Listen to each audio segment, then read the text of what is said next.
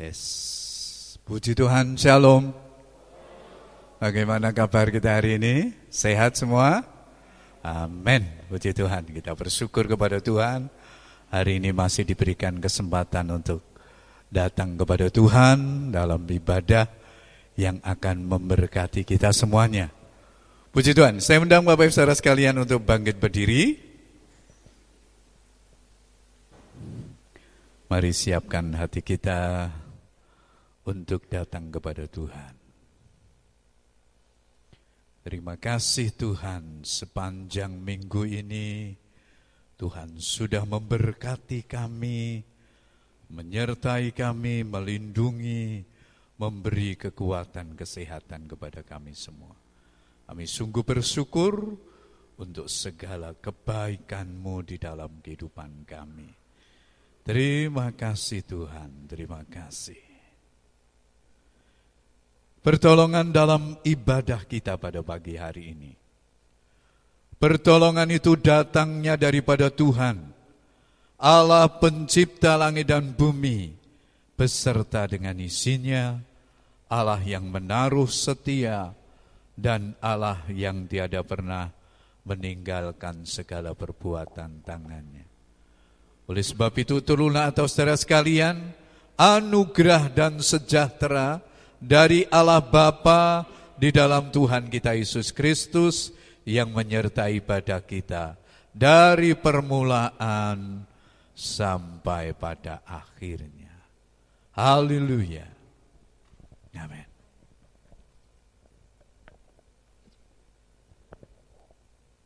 Shalom. Sukacita. Amen. Ada sukacita pagi hari ini? Amin. Kita mau siapkan hati kita. Kita mau menghadap Tuhan. Tuhan kami sadar bahwa di dalam kehidupan kami, kami perlu Engkau ya Bapa. Kami perlu Engkau untuk kami boleh menghadapi kehidupan kami. Untuk kami boleh menjalani hidup kami. Sebab banyak engkau lah yang kuandalkan ya.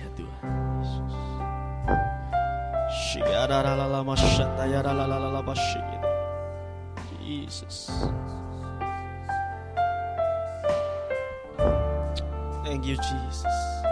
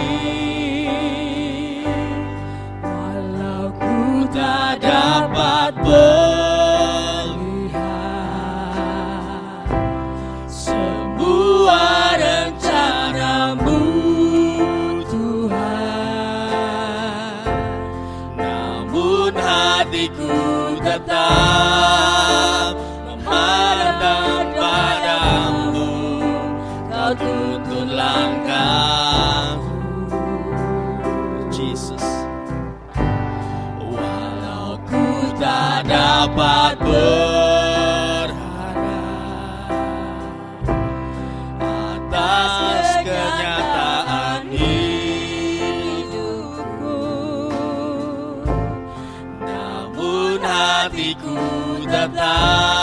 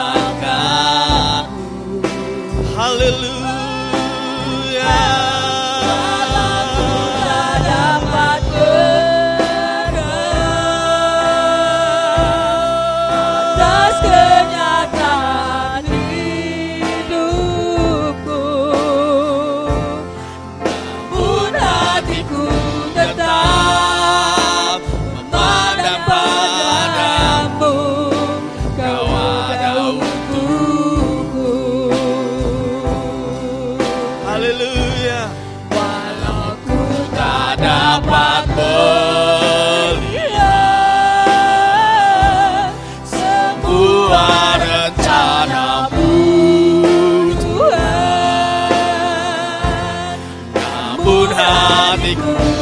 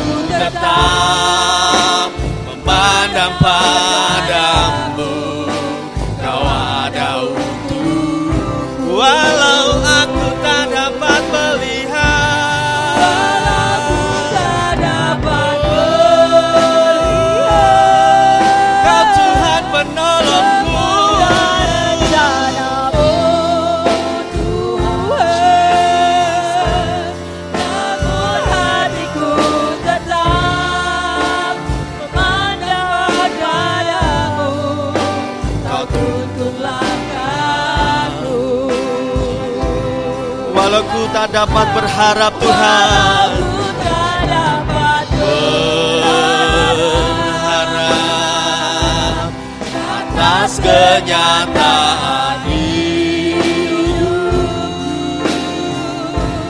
Namun hatiku tetap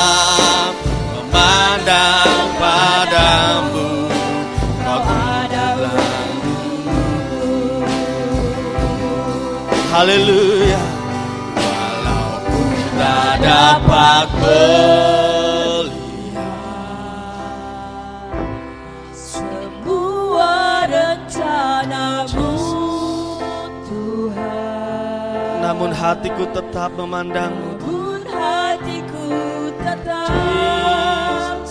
memandang padamu. Kau tuntun langkah.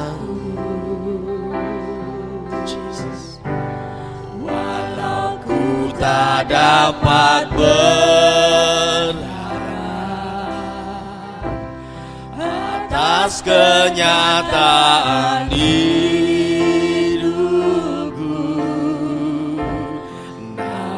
hatiku tetap memandang padamu. Kau ada untukku. Walau dapat melihat. Aku tak dapat melihat. Terima kasih Tuhan. Semua rencanamu. Terima kasih Yesus Namun hatiku tetap memandang padamu Kau tuntun langkah Terima kasih Yesus. Walau ku tak dapat berharap Atas kenyataan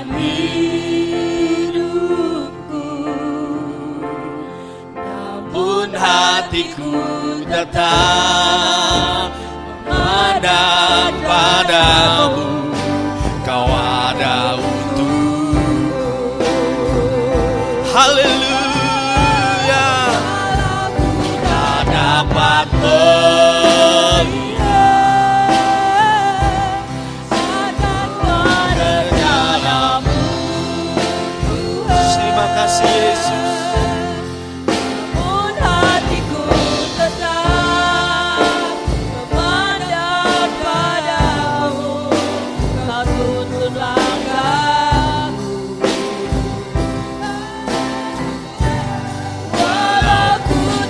dapat berharap atas kenyataan hidup. Namun hatiku tetap memandang padamu kau ada untukku. Walau ku tak dapat melihat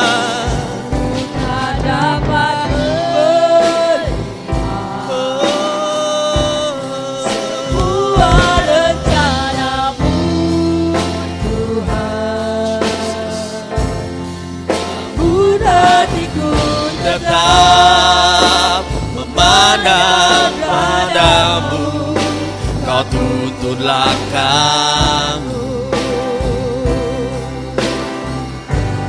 Walau ku tak dapat ber atas kenyataan hidupku namun hatiku tetap memandang padamu kau ada untukku.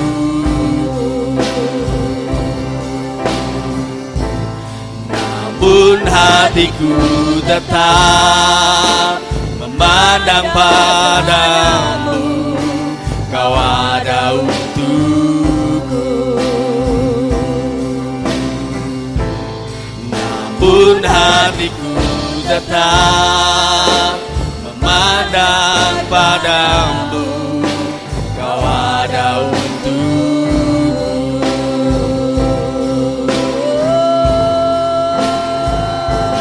Kami mau percaya Tuhan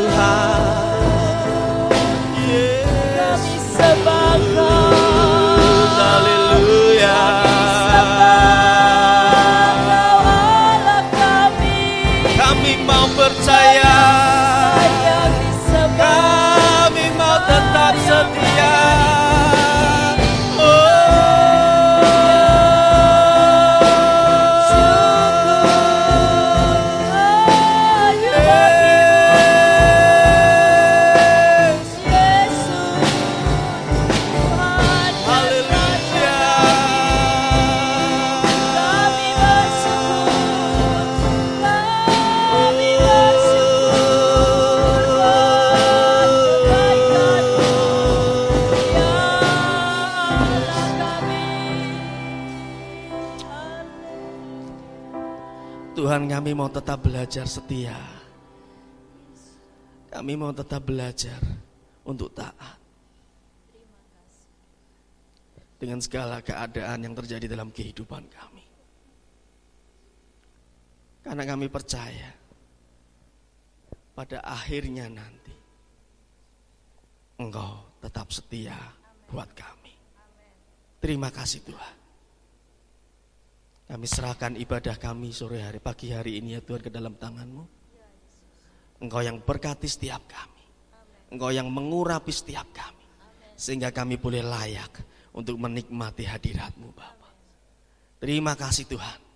Terima kasih Roh Kudus. Haleluya. Amin. Shalom. Semangat pagi hari ini. Amin. Amin. Haleluya. Haleluya. Kita percaya bahwa Tuhanlah kekuatan dalam kehidupan kami.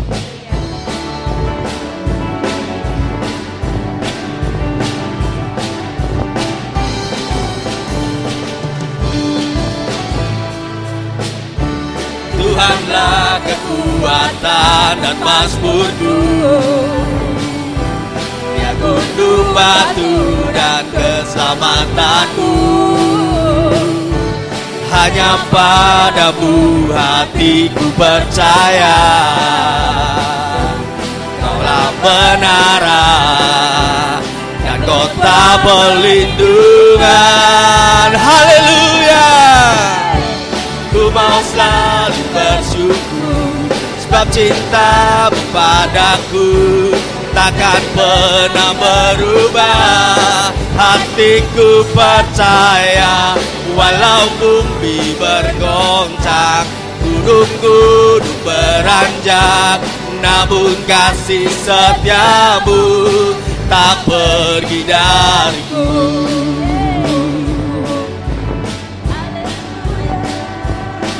Sebab kami percaya Tuhan, Engkaulah kekuatan kami. Tuhanlah kekuatan dan masmurku Yang gunung batu dan keselamatanku. Hanya padamu hatiku percaya. Kaulah menara dan kota perlindungan bersyukur. Sebab cintamu padaku Takkan pernah berubah. Hatiku percaya Walau bumi bergoncang Gunung-gunung beranjak. Namun kasih setiamu Tak pergi dariku. Ku mau selalu bersyukur Sebab cintamu padaku Takkan pernah berubah. Hatiku percaya Walau bumi bergoncang Gunung-gunung beranjak Namun kasih setiamu Tak pergi dariku. Ku mau selalu bersyukur Sebab cintamu padaku Takkan pernah berubah Hatiku percaya Walau bumi bergoncang Gunung-gunung beranjak Namun kasih setiamu Tak pergi dariku. Ku mau selalu bersyukur Sebab cintamu padaku Takkan pernah berubah. Hatiku percaya Walau bumi bergoncang Gunung-gunung beranjak. Namun kasih setiamu Haleluya hey!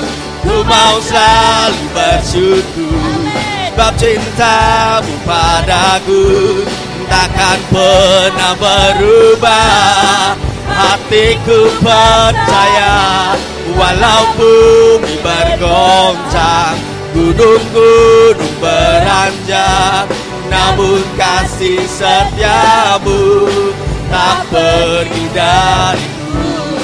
Kasih setiamu Tak pergi dariku Kasih setiamu Tak pergi dariku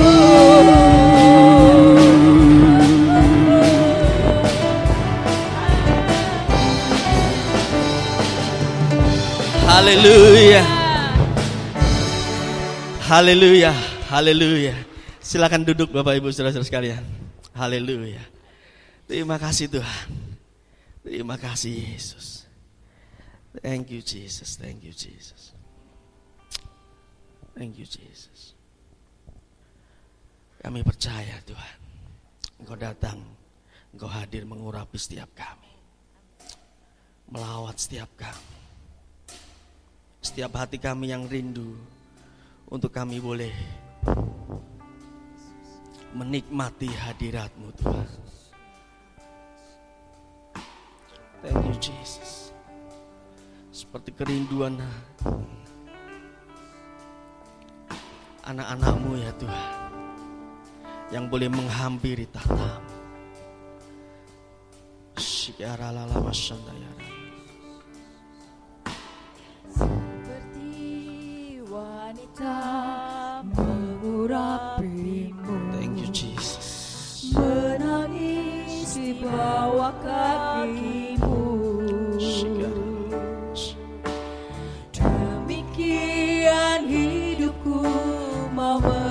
mengasihimu Yesus engkau baik bagiku Seperti wanita Tuhan. seperti wanita mengurapimu menangis di bawah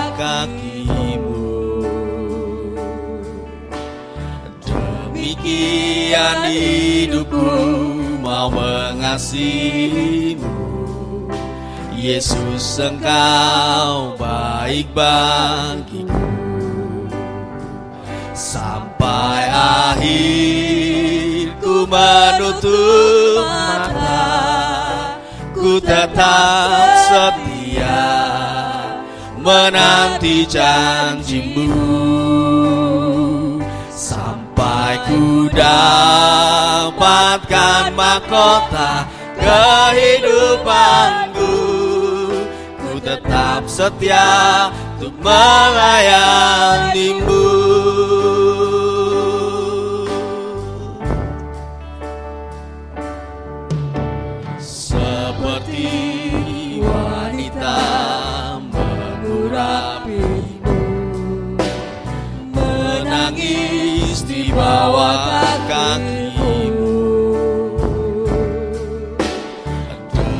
Demikian hidupku mau mengasihimu. Yesus engkau baik bagiku. Sampai akhir ku menutup mata Ku tetap setia menanti janjimu. Sampai ku dapatkan mahkota kehidupanku Ku tetap setia untuk melayanimu. Sampai akhir ku menutup mata. Ku tetap setia menanti janjimu Dapatkan mahkota kehidupanku. Ku tetap setia untuk melayanimu Sampai akhir ku menutup mata. Ku tetap setia menanti janjimu dapatkan mahkota kehidupanku. Ku tetap setia untuk melayanimu. Sampai akhir ku menutup mata. Ku tetap setia menanti janjimu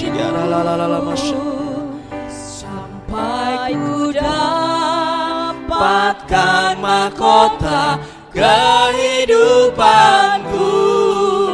Ku tetap setia untuk melayanimu. Sampai akhir ku menutup mata.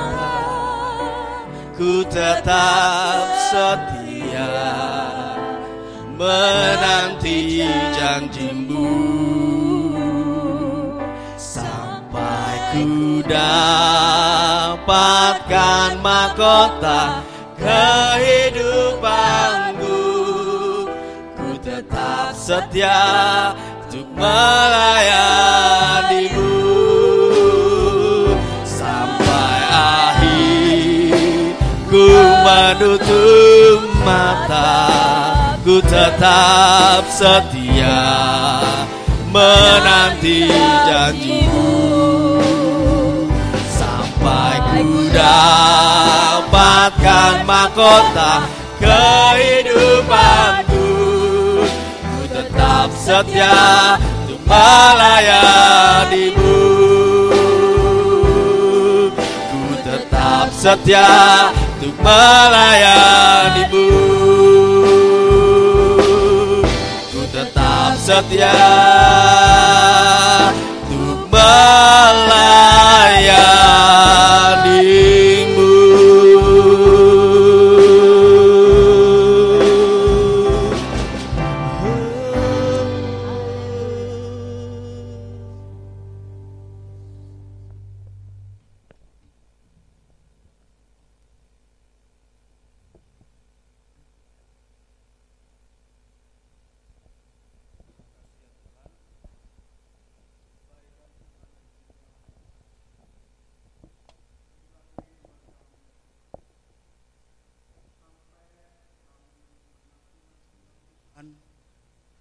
tetap setia melayani Tuhan. Biarlah ini bukan hanya sebuah pujian yang kami naikkan, tapi kami boleh menjadikan ini sebagai komitmen hidup kami ya Tuhan. Terima kasih ya Tuhan. Kami percaya hari ini Engkau hadir di tengah-tengah kami. Kami percaya Tuhan, Engkau telah mengurapi kami untuk sebentar kami mendengarkan firman Tuhan. Kami percaya Tuhan, Engkau yang akan memberikan kami hikmat pengetahuan buat kami untuk menangkap setiap kebenaran firman-Mu ya Tuhan. Terima kasih ya Tuhan. Terpujilah namamu, di dalam nama Tuhan kami Yesus Kristus, kami berdoa dan bersyukur. Haleluya. Amin. Shalom Bapak Ibu yang dikasih oleh Tuhan. Ini adalah pertama kali saya ada di atas mimbar ini. Dan saya bersyukur diberikan kepercayaan oleh Bapak Daniel Gunadi untuk menyampaikan kebenaran firman Tuhan. Hari ini saya ingin mengajak Bapak Ibu untuk belajar merenungkan firman Tuhan yang saya ambil di dalam Matius pasal yang ke-18 ayat 1 sampai ayat yang kelima. Silakan difoto dulu enggak apa-apa. Oke. Biar tidak terganggu ya. Oke. Matius pasal 18 ayat 1 sampai ayat yang kelima. Demikian bunyi firman Tuhan. Pada waktu itu datanglah murid-murid kepada Yesus dan bertanya, siapakah yang terbesar dalam kerajaan surga? Maka Yesus memanggil seorang anak kecil dan menempatkannya di tengah-tengah mereka. Lalu berkata, aku berkata kepadamu, Sesungguhnya jika kamu tidak bertobat dan menjadi seperti anak kecil ini, kamu tidak akan masuk ke dalam kerajaan sorga. Sedangkan barang siapa merendahkan diri dan menjadi seperti anak kecil ini, dialah yang terbesar dalam kerajaan sorga. Dan barang siapa menyambut seorang anak seperti ini dalam namaku, ia menyambut aku. Amin. Ya. Bapak Ibu yang dikasih oleh Tuhan, saya percaya setiap kita kepingin yang namanya dihargai, ya kan? Dihormati. Keberadaan kita pingin dihargai, ketika kita pingin juga dihargai oleh orang lain, ya kan? Nah, kadangkala ketika kita ingin dihargai dan dihormati oleh orang lain, dengan jalan kita bisa mempunyai kedudukan atau posisi.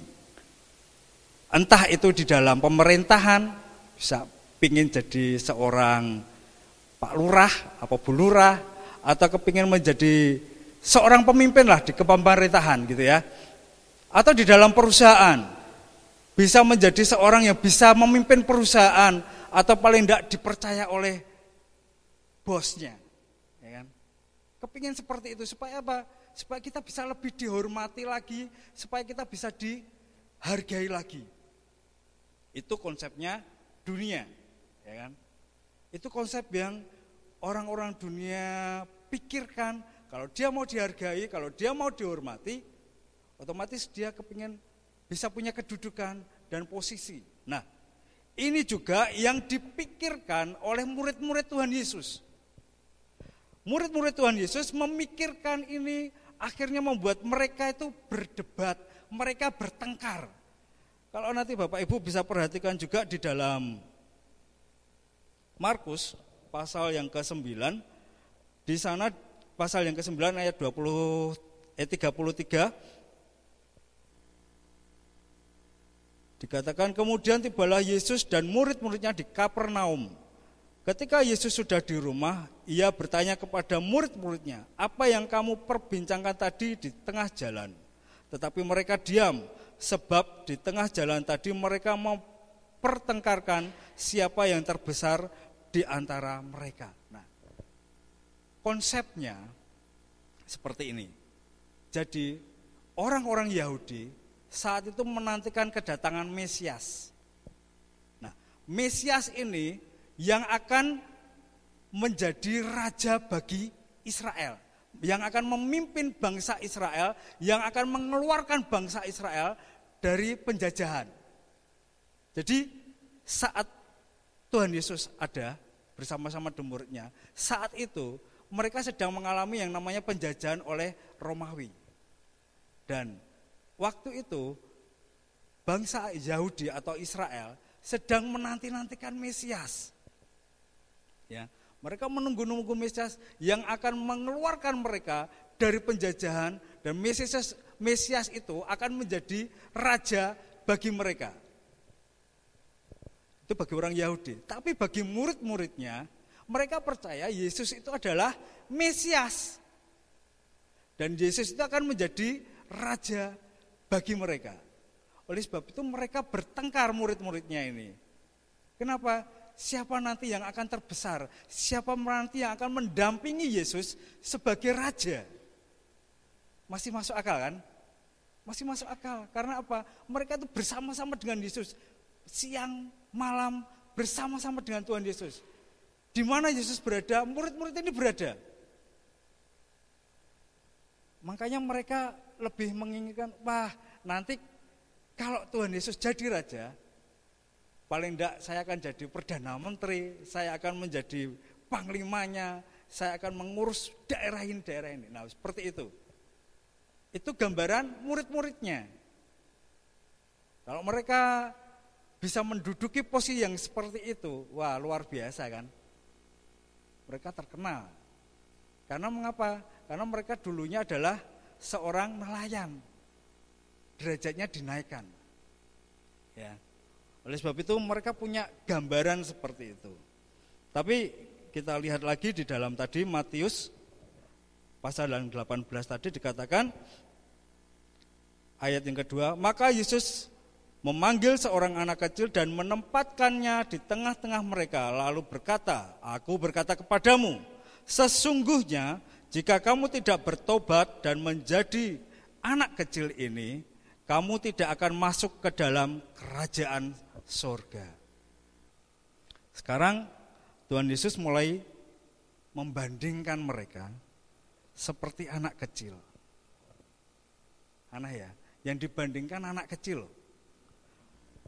Kalau seandainya, seandainya Bapak Ibu dibandingkan seperti anak kecil, seperti anak-anak gitu ya Kira-kira perasaannya bagaimana? Kalau anak-anak itu seperti ini, punya sifat-sifat dasar ya. Anak-anak itu punya sifat-sifat dasar. Biasanya anak-anak itu adalah anak-anak itu masih lemah, ya kan? Belum kuat untuk menanggung hidupnya sendiri. Kemudian anak-anak itu masih belum terlalu pinter atau istilahnya masih bodoh lah. Karena masih harus belajar gitu kan. Kemudian bisa jadi anak-anak itu memalukan orang tua, ya kan? Anak-anak itu memalukan orang tua. Kemudian tidak tahu apa-apa. Bahkan anak-anak itu belum bisa bertanggung jawab atas hidupnya. Oleh sebab itu, ketika murid-muridnya itu dibandingkan oleh Tuhan Yesus seperti anak-anak, perasaannya mungkin dia lo kok saya dibandingkan seperti anak-anak. Anak-anak ini saya gambarkan mereka bukan umur seperti 8 sampai 10 tahun, enggak. Tapi anak-anak umur 3 sampai 4 tahun gitu ya. Yang masih polos gitu.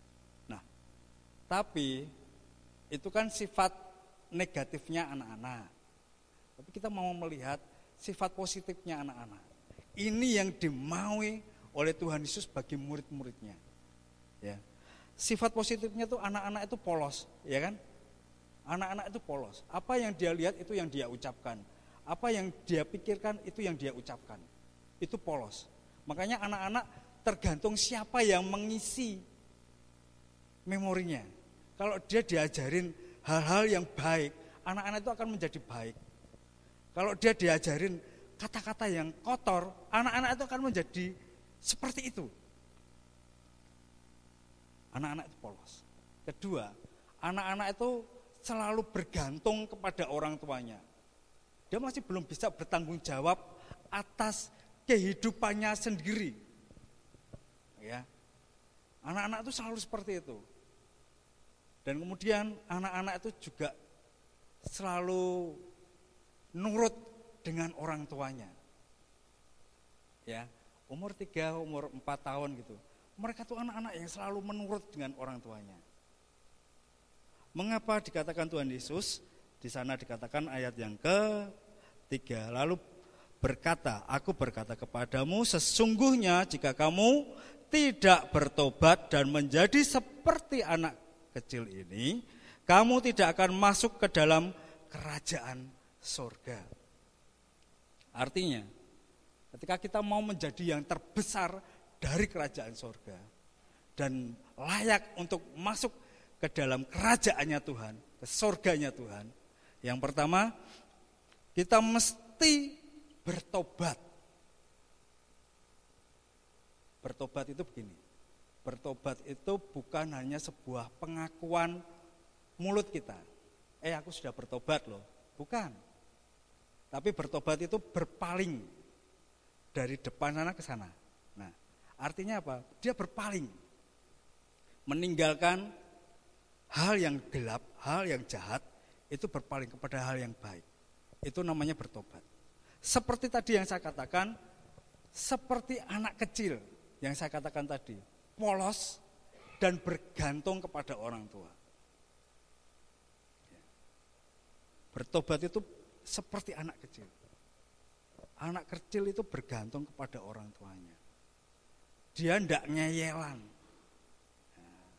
Biasanya kan kalau orang tua tuh nyok dikandani ngeyel, ya kan? Nek anak kecil kan enggak. Oh ada pak anak kecil yang ngeyelan. Iyalah itu satu dua lah, ya kan? Tapi karakter anak-anak, anak-anak kecil itu, itu enggak ngeyelan. Lebih nurut kepada orang tua.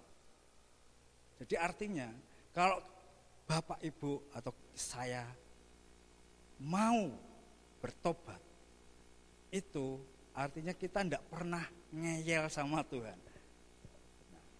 Terkadang yang terjadi kan tidak seperti itu gitu kan.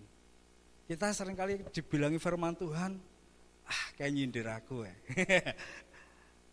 Kadang kita mengeraskan hati seperti itu. Tapi sepertilah Bapak Ibu seperti anak-anak. Ketika Bapak Ibu ngasih tahu anak-anak. Nek dibilangi, wah nurut. Anak-anak itu kalau dibilangi nurut. Apalagi, apalagi kan anaknya kita sendiri gitu kan. Nek dibilang itu pasti nurut. Banyak nurutnya daripada ndaknya. Kecuali kita bilanginya yang tidak benar ya. Nah, banyak nurutnya. Ayo makan, ya makan gitu. Ayo tidur, tidur. Nah, seperti itu. Mengapa Tuhan Yesus mencontohkan seperti anak kecil? Karena anak-anak itu, anak-anak itu penurut.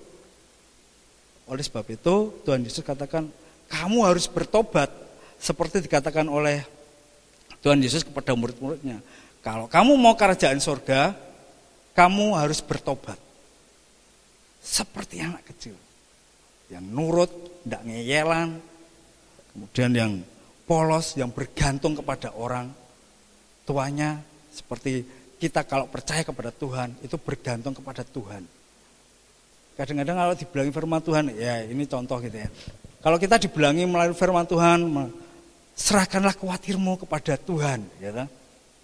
Kadang, aduh Tuhan tidak bisa Tuhan ini. Apakah kita bisa mengubah dengan kekhawatiran itu akan hidup kita? Enggak, ya kan? Tapi daripada kita khawatir kan mending ya kita nurut gitu kan, sama-sama gitu kan. Tapi itu bentuk kita bergantung kita kepada Tuhan. Nah, yang kedua, yang terbesar yang harus menjadi sama seperti anak kecil. Artinya gini, anak-anak kecil itu mempunyai ketergantungan dan mempunyai karakter yang luar biasa. Artinya dia itu rendah hati. Anak-anak kecil itu kan rendah hati. Dia ndak, ya tadi seperti kata katakan tadi, dia ndak ngeyel. Artinya dia itu rendah hati. Ya, nurut sama orang tua dia rendah hati.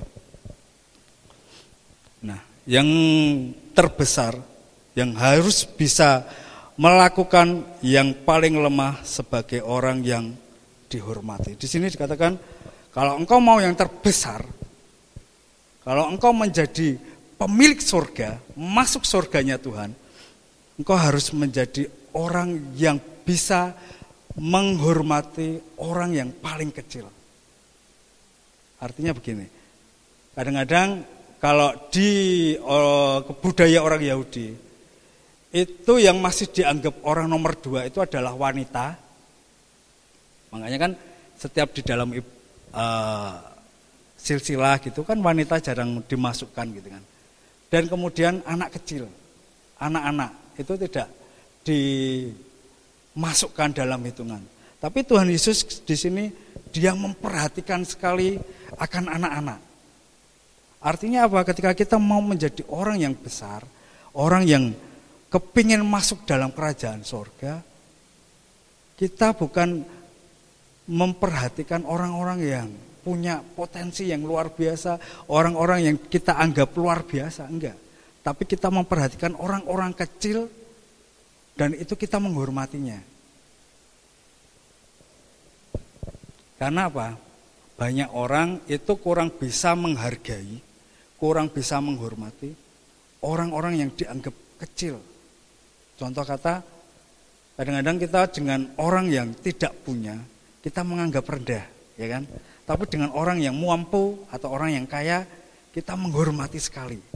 Nah, tapi Tuhan Yesus di sini sedang mengajarkan, kalau kamu mau menjadi orang yang terbesar, hormati orang kecil. Hargai mereka seperti kamu menghargai orang yang terhormat. Karena di mata Tuhan itu semuanya sama. Semuanya sama. Ya. Dan satu hal lagi Tuhan Yesus kepingin kita kalau yang terbesar ingin menjadi yang terbesar di hadapan Tuhan. Tuhan kepingin kita untuk bisa melayani, ya, melayani. Ada banyak orang yang diberikan talenta oleh Tuhan, tapi tidak mau melayani. Melayani itu tuh bentuk ucapan syukur kita kepada Tuhan. Ya. Kalau kita mau melayani itu bentuk ucapan syukur. Kenapa saya katakan bentuk ucapan syukur? Karena kita tuh telah menerima anugerah yang luar biasa dari Tuhan. Ya. Kita telah menerima anugerah yang terbesar dari Tuhan, yaitu apa? Keselamatan yang dari Tuhan timbal baliknya apa? Ya kita harus melayani. Melayani orang-orang yang ada di sekitar kita. Yang belum mengenal Tuhan. Atau yang saat ini sedang terpuruk di dalam kondisi. Sebetulnya setiap orang itu diberikan talenta, diberikan kemampuan untuk bisa melayani.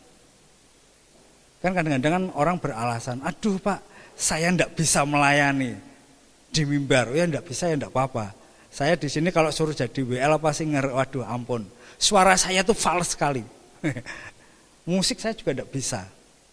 Kalau saya bisa ada di sini pun juga karena anugerah Tuhan.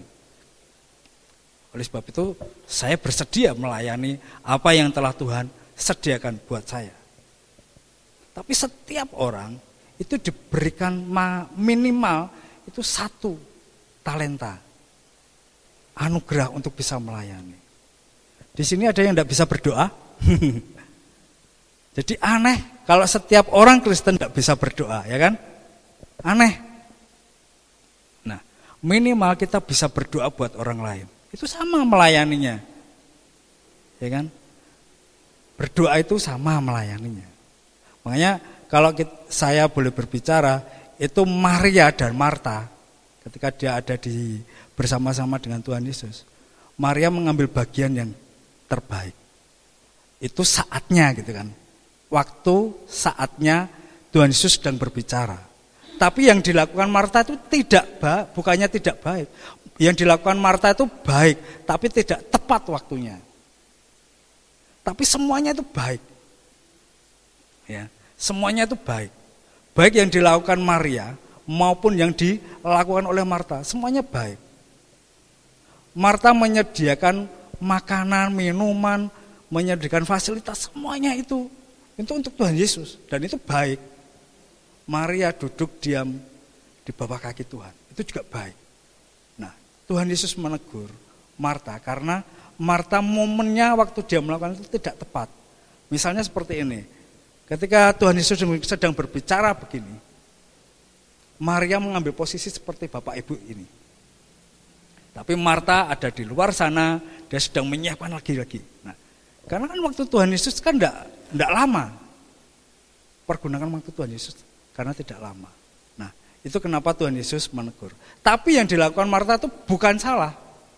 Benar. Nah, oleh sebab itu apa yang dilakukan oleh Marta maupun yang dilakukan Maria itu sama-sama benernya. Ya. Bapak Ibu kadang-kadang hanya bisa melakukan tugasnya Maria. Ya. Tapi tidak pernah melakukan tugasnya Marta. Padahal tugas Marta itu juga penting sekali. Contoh kata gini, kalau kita mengambil bagian dalam pelayanan di luar, seperti ketika kita punya pekerjaan di samping, itu sebenarnya kayak tugasnya Marta loh. ya, di samping itu loh. Kita kerja bakti. Kan bukan di mimbar gitu kan. Tapi itu kita juga bisa melayani Tuhan. Kita bisa jadi berkat bagi orang lain. Wah ternyata gereja Isalma Gunung Indah itu luar biasa ya, rukun. Gitu. Mereka bersatu bisa sampai selesai. Ya. Itu luar biasa. Dan itu bisa menjadi kesaksian bagi orang lain. Apa yang kita lakukan itu jadi berkat bagi orang lain. Ya kan? Nah, kalau saat ini yang kita lakukan itu kan berkat buat kita sendiri gitu kan. Tapi apa yang dilakukan kita di sana itu bisa menjadi berkat bagi orang lain. Oleh sebab itu, mari saya mengajak Bapak Ibu untuk kita bisa belajar melayani Tuhan sebagai bentuk ucapan syukur. Artinya ketika kita merendahkan hati di hadapan Tuhan, kita bisa menjadi seorang pelayan. Dan Tuhan Yesus katakan, kalau engkau mau menjadi yang terbesar dalam kerajaan kerajaan surga, kamu harus jadi pelayanku. Sebab itu saya tidak perpanjang apa yang saya sampaikan, tapi ada dua hal yang ingin saya sampaikan. Ketika kita ingin menjadi orang yang terbesar dan mempunyai kerajaan surga. Yang pertama kita mesti bertobat. Ya. Yang kedua kita harus melayani di hadapan Tuhan.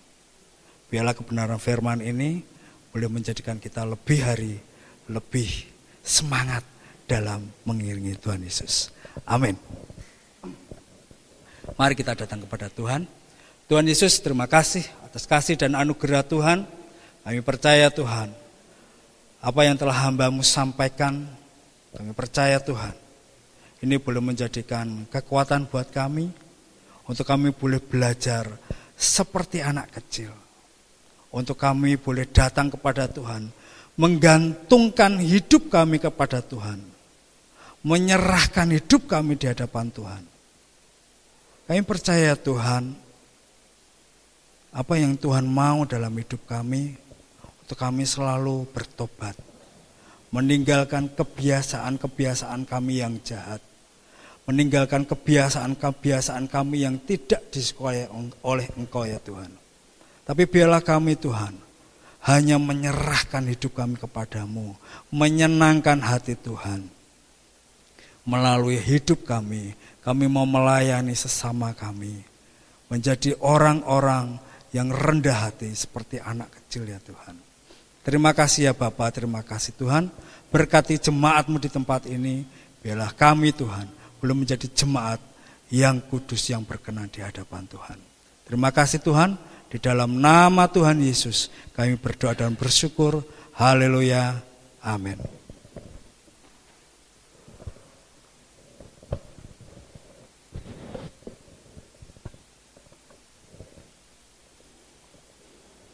Kita Berikan kemuliaan bagi Tuhan.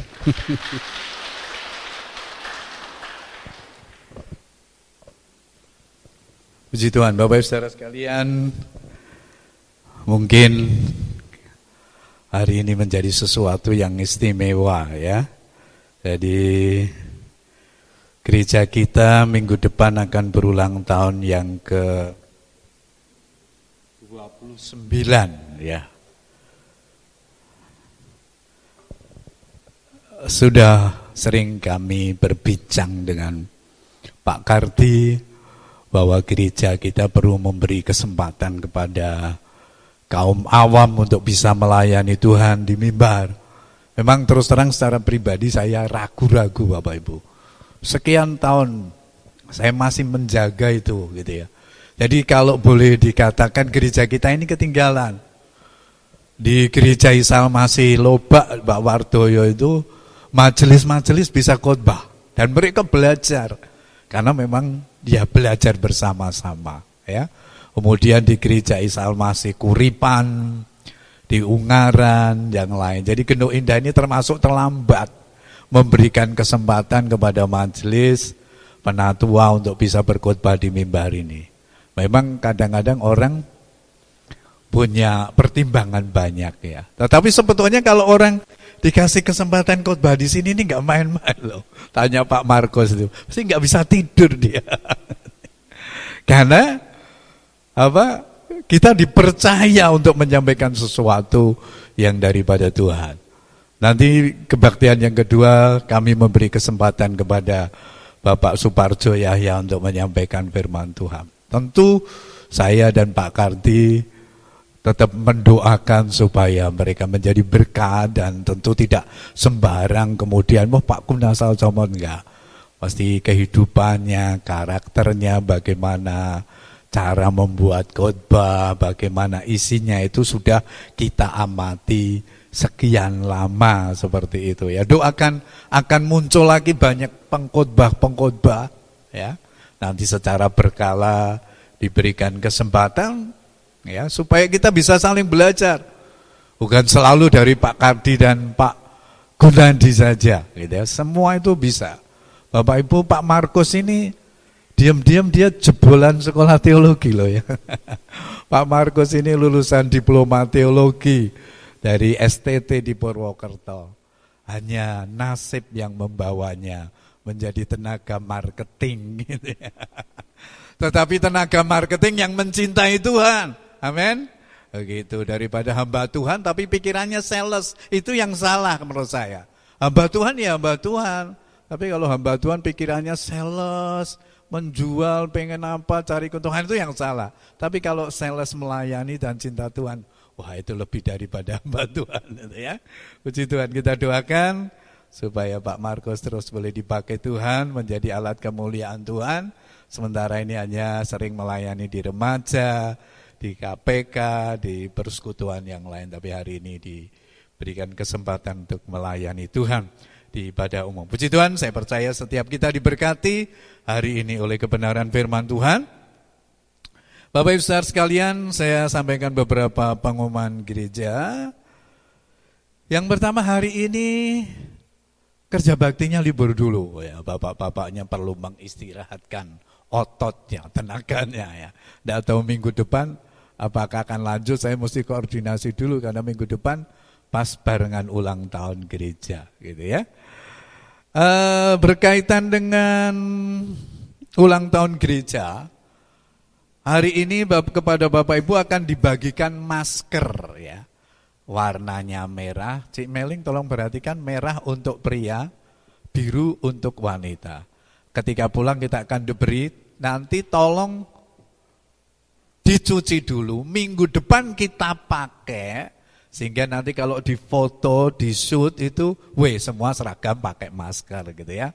Maskernya tidak istimewa sih memang bukan masker yang mahal, tapi paling enggak seragam tahun 29 ulang tahun gereja kita. Nah, mari minggu depan kita hadir, kita semarakkan ulang tahun kita meskipun sederhana ya. Mari kita hadir, Bapak Ibu boleh karena jumlahnya cukup boleh karena ini masker orang dewasa ya. Jadi mungkin suami boleh ngambilkan istrinya boleh ya. Kalau enggak ya minggu depan suruh datang sendiri atau eh, pas jam kantor gereja boleh minta kepada kami gitu ya. Dari hari ini pulang akan dibagikan masker merah untuk pria, biru untuk wanita untuk dipakai minggu depan dalam ibadah hari ulang tahun gereja kita yang ke-29. Puji Tuhan, kemudian kegiatan kita selama sepekan yang akan datang. Besok Senin ada PPK di gereja, tetapi juga disiarkan secara online. Mari para pria silakan hadir. Kami butuh 9 sampai 10 pria di gereja untuk bersama-sama beribadah. Kemudian hari Kamis ada ibadah lansia jam 10 pagi di gereja kita.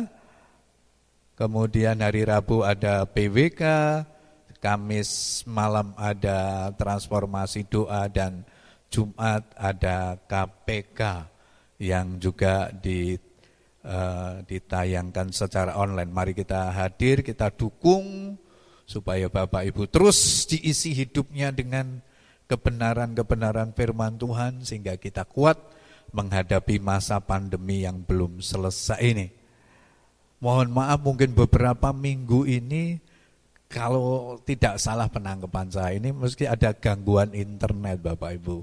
Beberapa kali saya kirim WhatsApp atau renungan itu tidak sampai kepada penerimanya ya. Saya dapat masukan dari Bu Ida. Nah, tadi malam akhirnya saya dibantu jika HP saya saya restart gitu ya. Ternyata saya ini termasuk generasi tua gitu ya. Jadi WA saya itu ada chat sebanyak 250 ribu. Tidak pernah saya hapus gitu ya. Papa ini ya.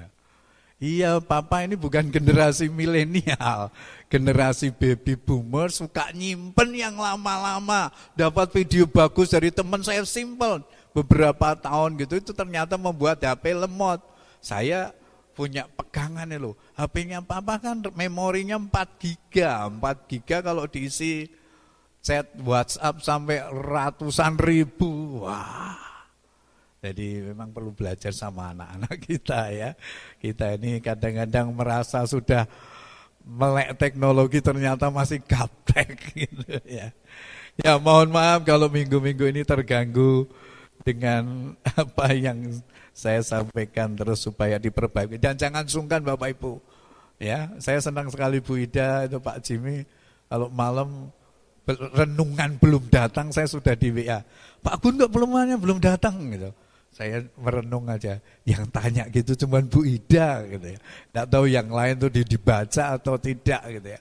Saya berharap yang diberkati justru jemaat ya. Jangan sampai orang di luar jemaat yang saya juga kirim itu diberkati ya. Mereka bisa menerima itu tapi Bapak Ibu tidak merasa diberkati kan sayang sekali karena prioritas tujuan utama saya membuat renungan dan seperti yang lainnya itu supaya jemaat terus terpelihara rohaninya dengan baik. Puji Tuhan, itu saja pengumuman gereja yang perlu disampaikan. Kalau ada hal yang belum jelas, bisa japri ke saya melalui WhatsApp atau nanti ketemu di waktu selesai ibadah. Mari kita akan bangkit berdiri, kita akan akhiri ibadah kita pada hari ini, kita akan bersama-sama berdoa. Tuhan Yesus terima kasih untuk ibadah hari ini. Terima kasih untuk setiap pujian yang sudah dipersembahkan. Yang mana engkau ditinggikan, dipermuliakan senantiasa. Terima kasih untuk para pelayan mimbar, WL, singer, Terima kasih untuk anak-anak remaja yang sudah mulai terlibat dalam pelayanan musik. Kami sungguh bersyukur kepadamu. Tuhan terus pakai, terus tingkatkan kemampuannya di dalam melayani Tuhan. Terima kasih untuk hambamu Bapak Markus Kuntoro yang sudah membagikan kebenaran firman Tuhan. Terus pakai hambamu lebih heran bagi kemuliaan nama Tuhan. Engkau memberkati pekerjaannya, Engkau memberkati setiap pelayanan hambamu. Terima kasih Tuhan, kami bersyukur kepada Tuhan untuk semuanya. Terus bawa gerejamu di ulang tahun yang ke-29 ini. Makin bertumbuh makin setia kepadamu, jemaat-jemaat makin bertumbuh imannya, kesetiaannya di dalam melayani Tuhan, sehingga mereka siap menjadi mempelai-mempelai Kristus di akhir zaman sehingga ketika Tuhan datang yang kedua kali engkau akan mengangkat kami semua masuk di dalam kekekalan bersama-sama dengan Tuhan. Terima kasih Tuhan di penghujung ibadah ini kami berdoa untuk saudara-saudara kami yang membutuhkan dukungan doa. Kami berdoa untuk Pak Jamil dalam masa pemulihan yang saat ini ada di Kudus. Kiranya Tuhan akan menolong terus pulihkan kesehatan hambamu sehingga hambamu makin sehat pulih dan bisa kembali ke tengah-tengah keluarga. Kami berdoa juga untuk Tante Ali yang saat ini sedang sakit Tuhan, Engkau nyatakan pertolongan atas hambamu, Engkau jamah hambamu ini, Engkau sembuhkan dengan kuasamu, sehingga hambamu akan mengalami pemulihan daripada Tuhan. Engkau memberikan kekuatan iman untuk terus berharap dan bersandar hanya kepadamu Tuhan. Kami juga berdoa untuk Ius Tuhan, yang besok Senin akan menjalani operasi di hidungnya. Tuhan juga akan menolong anakmu ini Kau jamah dengan kuasamu, engkau dampingi, sehingga esok ketika menjalani operasi untuk eh, gangguan pada per, pada hidungnya ini Tuhan yang akan menolong, memperlancar operasi kecilnya ini dengan pertolongan Tuhan. Kami percaya Tuhan akan mendampingi, menyertai dalam operasi Ius besok pagi Tuhan. Terima kasih. Kami bersyukur kepadamu Tuhan. Kami berdoa untuk anak-anakmu yang minggu ini berulang tahun Tuhan. Kami berdoa untuk saudara Evran. Kami berdoa untuk saudari Mustika. Tuhan Engkau memberkati anak-anak muda ini. Tuhan pakai mereka menjadi alat kemuliaan-Mu. Tuhan memberkati sekolahnya, memberkati kuliahnya. Tuhan memberkati masa depannya. Jadikan mereka berkat bagi teman-teman di dalam pergaulannya. Sehingga nama Tuhan dan ditinggikan dan dipermuliakan Kiranya hidup anak-anakmu ini boleh menggenapi rencana-rencana Tuhan Yang sudah engkau rancang bagi masa depannya Tuhan. Terima kasih. Kami juga berdoa untuk Ibu Elizabeth Windawati. Kami berdoa untuk Ibu Sukinem. Tuhan akan memberkati kedua ibu ini. Berkati dalam rumah tangganya. Berkati dalam mendampingi suami, anak-anak mereka. Kau berikan kekuatan iman untuk terus menopang keluarganya sehingga kehadirannya akan membawa keluarganya menjadi keluarga yang takut akan Tuhan dan mengasihi Engkau. Kiranya berkat Tuhan menyertai mereka, kesehatan menyertai mereka Tuhan. Terpujilah namamu ya Tuhan. Kami terus berdoa untuk bangsa kami Indonesia. Tuhan turunkan belas kasihanmu, pemulihanmu atas bangsa kami. Sehingga bangsa kami boleh keluar dari pandemi virus corona ini. Bangsa kami boleh pulih ekonominya. Bangsa kami boleh kembali tertata dengan baik. Karena itu kami berdoa untuk Presiden Jokowi beserta seluruh jajarannya para menteri. Supaya terus bersinergi dengan baik bagaimana membawa bangsa ini keluar dari bencana virus corona dan kembali pulih seperti sedia kala Tuhan. Engkau memberikan kekuatan, kemampuan, segala program-program yang dicanangkan Tuhan berkati. Kami juga secara khusus berdoa untuk TNI dan Polri. Tuhan berkati supaya TNI dan Polri dapat berjaga-jaga di negara kami ini mengamankan dari berbagai demo dari berbagai tindakan kelompok-kelompok yang tidak bertanggung jawab supaya negara kami tetap aman terkendali dengan baik, masyarakat boleh hidup dengan tenang dan aman. Terima kasih Tuhan, terima kasih akhirnya kami menyerahkan seluruh jemaatmu ke dalam tangan Tuhan seminggu yang akan datang. Berkati keluarga demi keluarga, berkati Bapak Ibu saudara sekalian yang akan bekerja baik yang bekerja di rumah, di luar kota, di dalam kota Tuhan akan menyertai supaya berkat Allah mengawal setiap pekerjaan mereka sehingga apa yang dikerjakan tangan mereka boleh berhasil. Berkati anak-anak kami yang kuliah, yang belajar secara online di rumah, Tuhan memberikan kekuatan, memberikan kesabaran, memberikan Tuhan damai sejahtera kepada anak-anak kami sehingga mereka tidak merasa jenuh bosan dengan kondisi ini, tetapi anak-anak kami terus terpelihara baik jasmani maupun rohani mereka. Terima kasih kami bersyukur kepadamu, pelihara keluarga kami, supaya di rumah kami ada sukacita, ada damai sejahtera, ada kebahagiaan yang Tuhan limpahkan. Kami bersyukur kepada Tuhan untuk semuanya. Sebentar kami akan pulang tinggalkan tempat ini. Tuhan Yesus kedangkan tanganmu atas setiap kami. Berkatilah kami semua. Bapak Ibu Saudara sekalian yang dikasih Tuhan. Setelah engkau berbuat bakti di hadapan Tuhan. Sekarang pulanglah dan terimalah berkat Tuhan. Angkat hatimu, arahkan kedua belah tanganmu kepada Tuhan. Dan terimalah berkatnya. Tuhan memberkati dan melindungi engkau. Tuhan menyinari engkau dengan wajahnya dan memberi kepadamu kasih karunia-Nya. Tuhan menghadapkan wajahnya yang kudus kepadamu dan mencurahkan berkat dari pagi hari ini. Sampai Maranatha, Kristus datang kali yang kedua menjemput kita semua. Haleluya. Amin.